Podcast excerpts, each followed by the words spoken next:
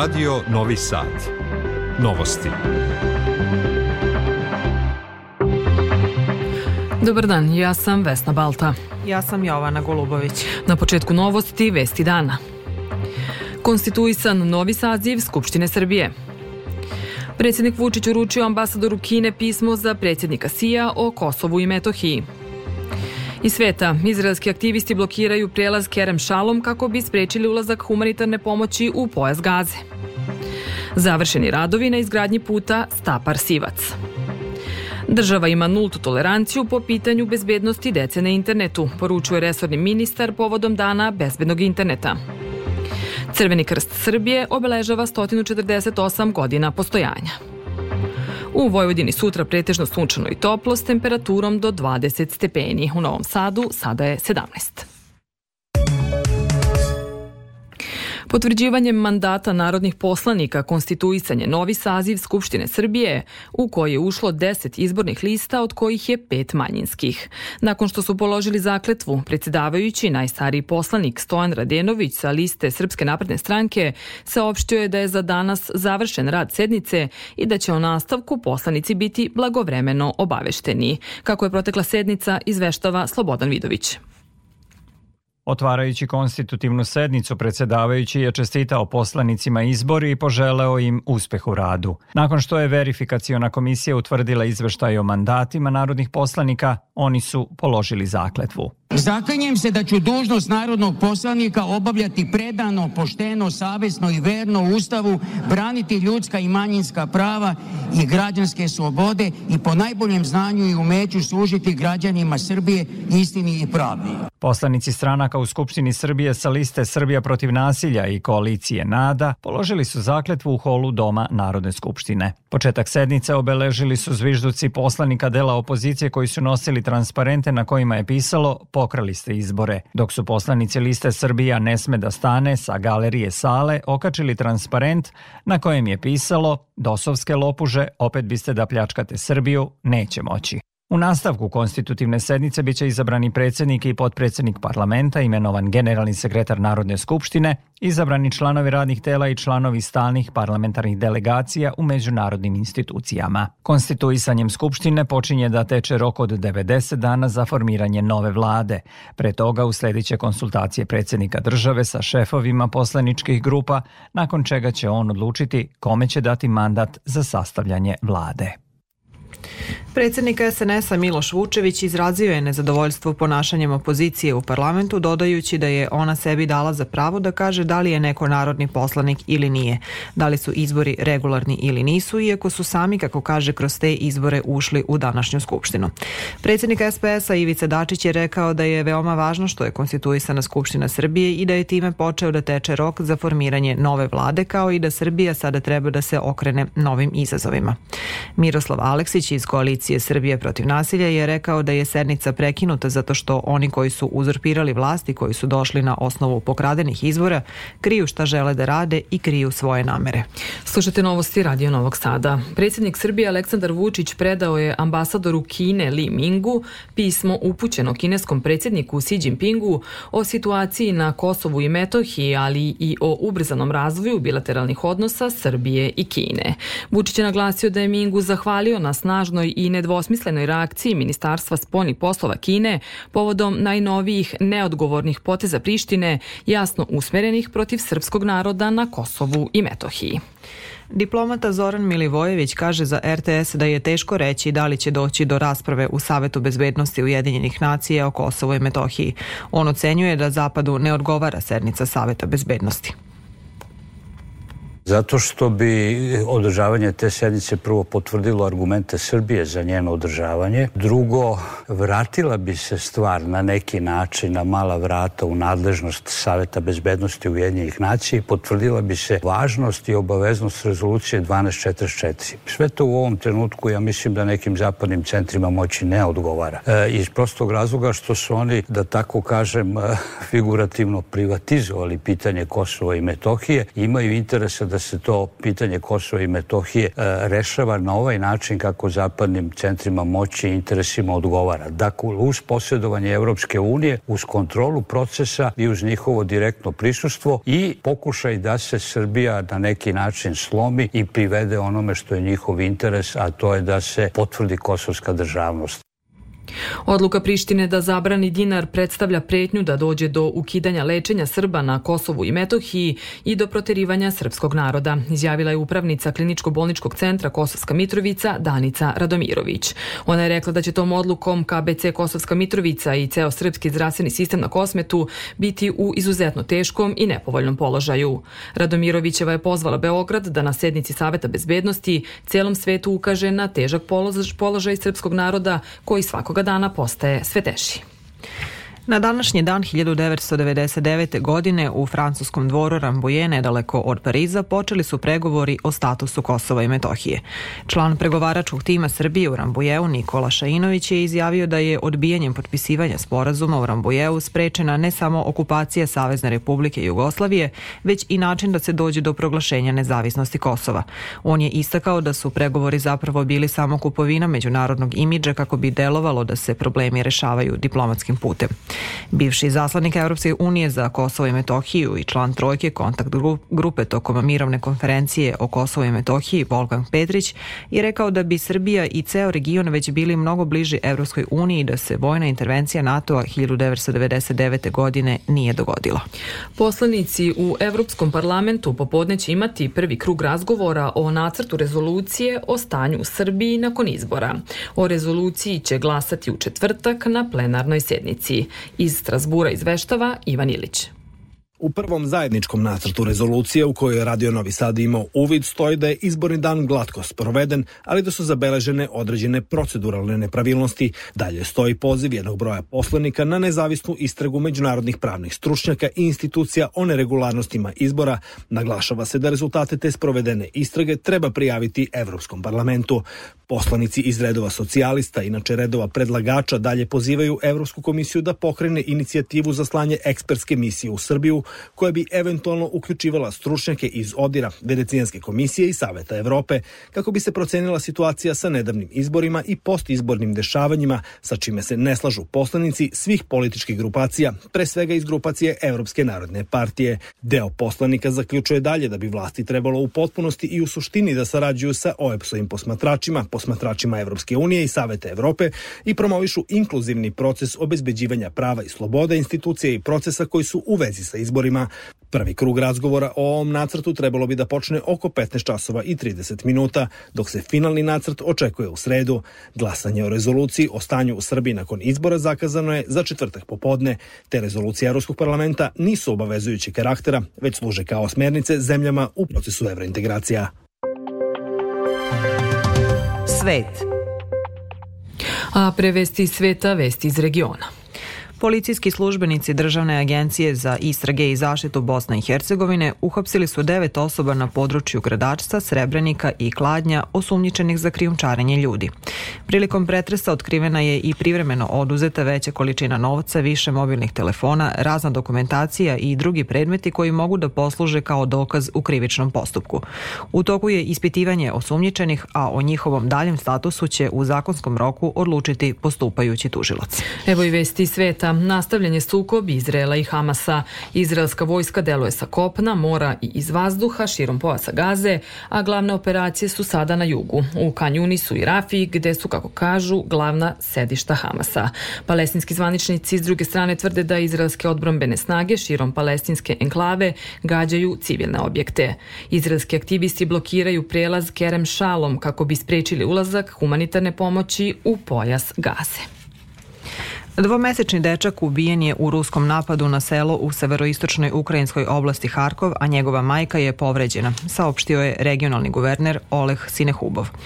Ukrajinska policija je saopštila da je više od 30 objekata oštećeno u napadu. Moskva za sada nije komentarisala optužbe Ukrajine. Ukrajinska vrhovna rada izglasala je akt o produženju vanrednog stanja u Ukrajini za 90 dana, odnosno do 13. maja. U eksploziji i požaru u fabrici pirotehnike u Hardi u centralnoj Indiji poginulo je najmanje 11 ljudi, dok je desetine povređeno. Žrtve su stradale uglavnom u stampedu nakon eksplozije, rekao je predstavnik policije i dodao da hitne službe tek treba da stignu do mesta eksplozije, jer vatrogasci još gase požar. Lokalni zvaničnici prethodno su naveli da verovatno ima ljudi koji su ostali zarobljeni u fabričkom postrojenju. Srušila se petosvrtnica u Badaloni nedaleko od španske Barcelone. Spasilačke ekipe tragaju za zarobljenima u ruševinama. Uzrok rušenja još nije poznat, a stanari iz susednih zgrada su evakuisani. A šestoro ljudi, uključujući i troje policijskih službenika, ranjeno je u pucnjavi ispred zgrade suda u Istanbulu. Turski ministar unutrašnjih poslova Ali Jerlikaja rekao je da je pokušan napad na kontrolni punkt ispred kapije kod suda Čaglajan u Istanbulu i da je dvoje napadača ubijeno. Utvrđeno Utvrđeno je da su oni bili članovi stranke krajnje levice, revolucionarna narodno-oslobodilačka partija Front, koju Turska klasifikuje kao terorističku organizaciju.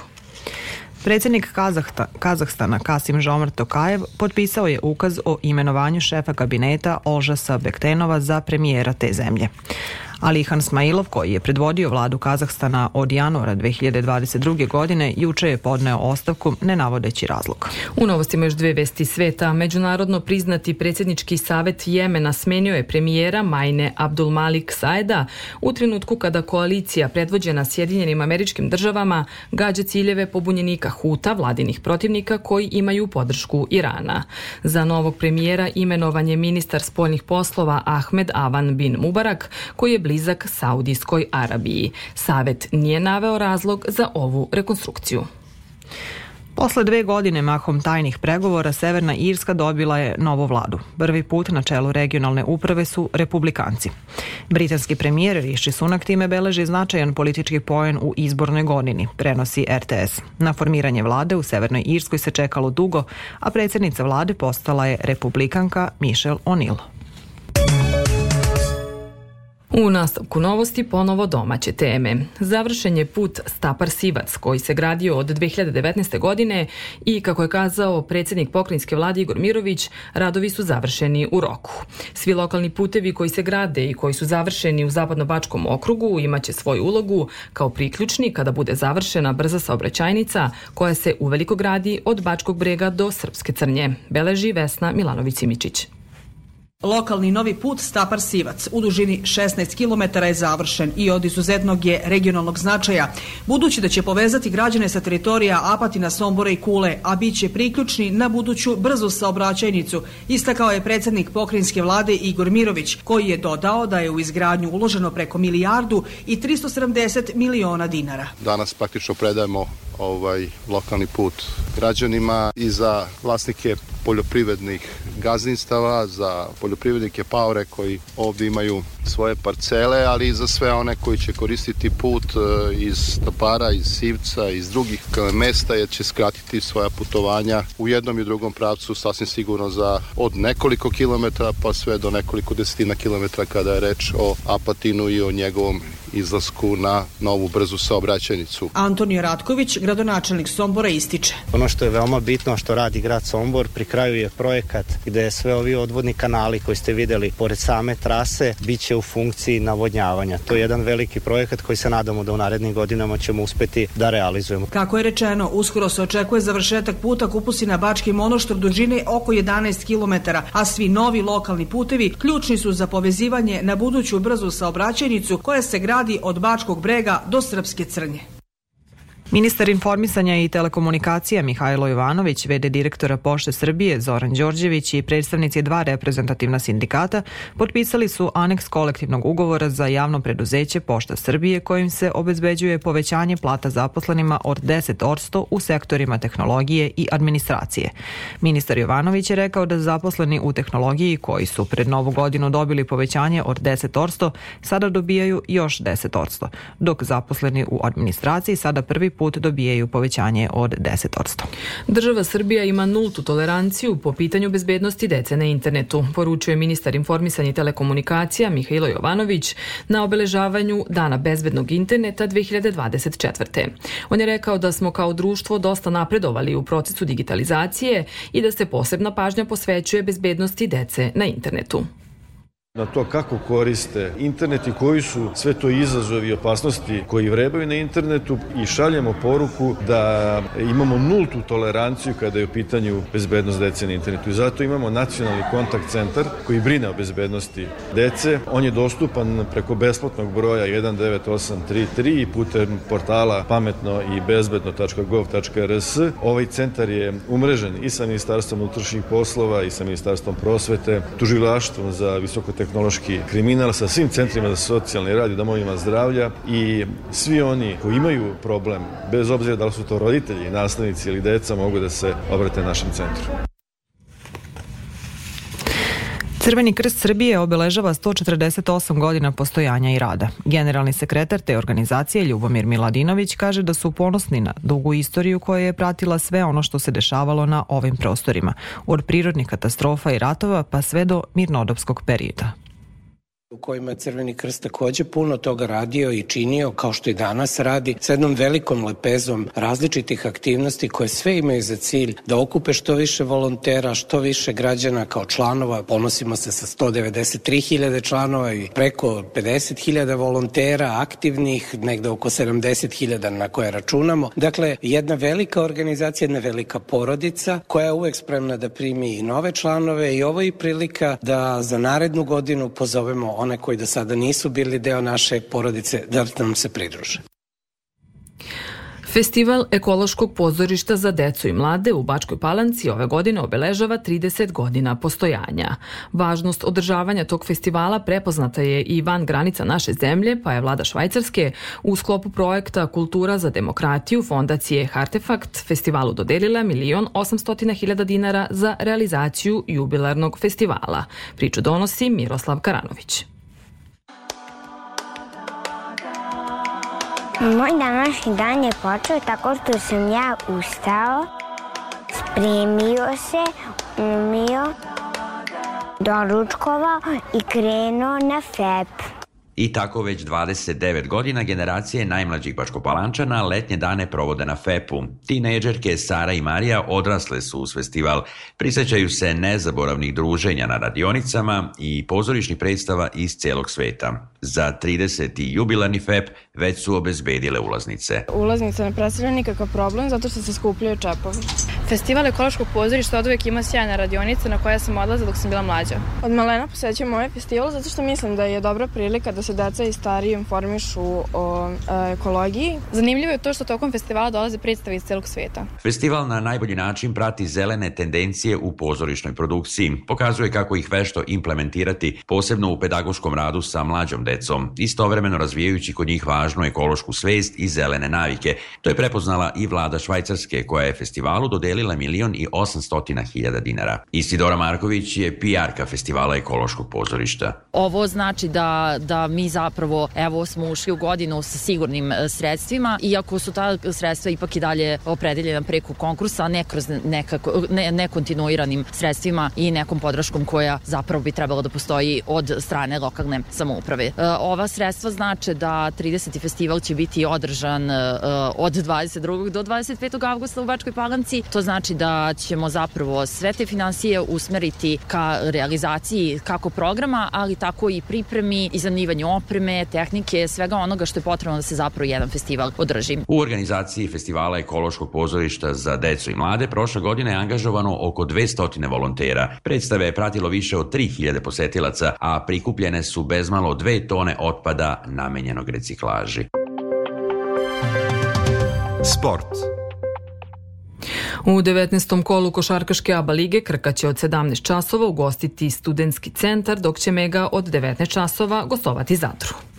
I još jedna vest. Danas se navršava 66 godina od avionske nesreće u kojoj su poginuli futbaleri i članovi kluba Manchester United. Oni su se 6. februara 1958. godine posle utakmice protiv Crvene zvezde u kupu šampiona iz Beograda vraćali preko Minhena koji je bio u velikom snegu. Tim Uniteda je sleteo da bi avion dolio gorivom, ali nije uspeo da poleti iz prva dva pokušaja. U trećem, fatalnom pokušaju da uzleti, avion je pao i prošao kroz ogradu na kraju piste i udario udario u kuću pored aerodroma. Tada je poginulo 23 ljudi.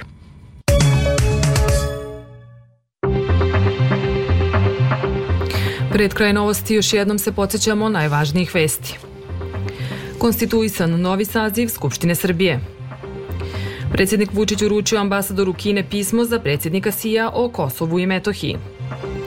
Iz sveta, izraelski aktivisti blokiraju prelaz Kerem Šalom kako bi sprečili ulazak humanitarne pomoći u pojas Gaze. Završeni radovi na izgradnji puta Stapar-Sivac. Država ima nultu toleranciju po pitanju bezbednosti dece na internetu, poručuje resorni ministar povodom dana bezbednog interneta.